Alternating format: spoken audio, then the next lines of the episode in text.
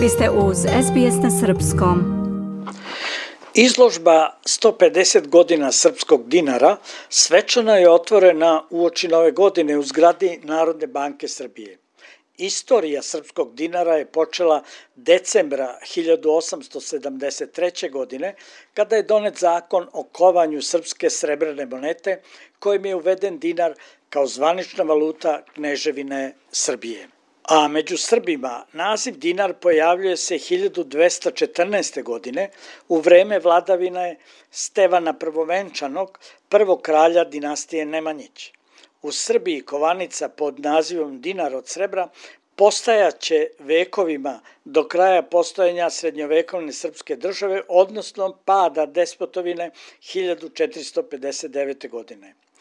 Na prostoru novovekovne obnovljene Srbije tokom 19. veka u opticu je bilo niz moneta i turskih i evropskih. Zbog haosa na polju finansija, koji je bio očigledan, knjaz Mihajlo januara 1868. šalje ministra finansija Kostu Cukića u carski Beč kako bi utanačio kovanje srpske monete.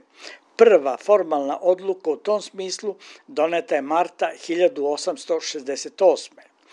Turska se protivila instituirajući da vazalna Srbija nema pravo na sobstvenu valutu.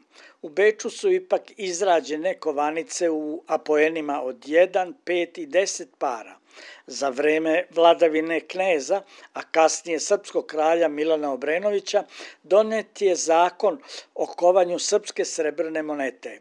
Taj akt usvojen je u Skupštini pre 150 godina, to jest 12. decembra 1873. godine. U skladu sa tim zakonom 1875. je iskovan prvi dinar u srebru sa likom kneza Milana u apoenima od 50 para, 1 i 2 dinara.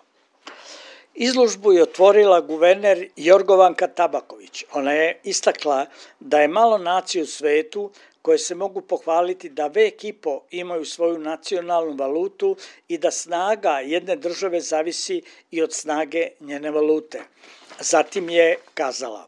Od davnina je poznato da pored tradicionalnih državnih simbola, grba, zastave i himne, duh i snagu jedne države čine njena tradicija, kultura i nacionalna valuta. Trajanje ovih državnih odličija pokazatelj je koliko je neka nacija mlada, a koliko dugotrajna, koliko je ona stabilna i postojana. Oni su i ogledalo istorije i tekovina jednog naroda, a od suštinskog su značaja za njen suverenitet i ugled u svetu. Imati stabilnu i čvrstu sobstvenu valutu danas je možda važnije nego ikada. U ambijentu kontinuirano pojačane neizvesnosti, usled niza kriza koje su tokom prethodne četiri godine preplitane, globalnu ekonomsku i finansijsku scenu prožima sprega interesa velikih sila. Proces globalizacije, kakav smo decenijama znali, krenuo je u suprotnom smeru, a najuticajnije ekonomije pokušavaju da formiraju oko sebe zajednice zemalja koje kroje ekonomske tokove.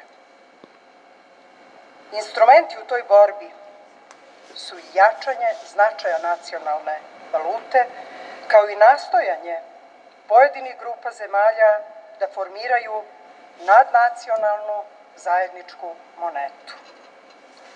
U takvom okruženju održati stabilnost domaće valute neophodno je za očuvanje nezavisne monetarne politike i samostalnosti u donošenju odluka kojima se usmeravaju domaći ekonomski tokovi.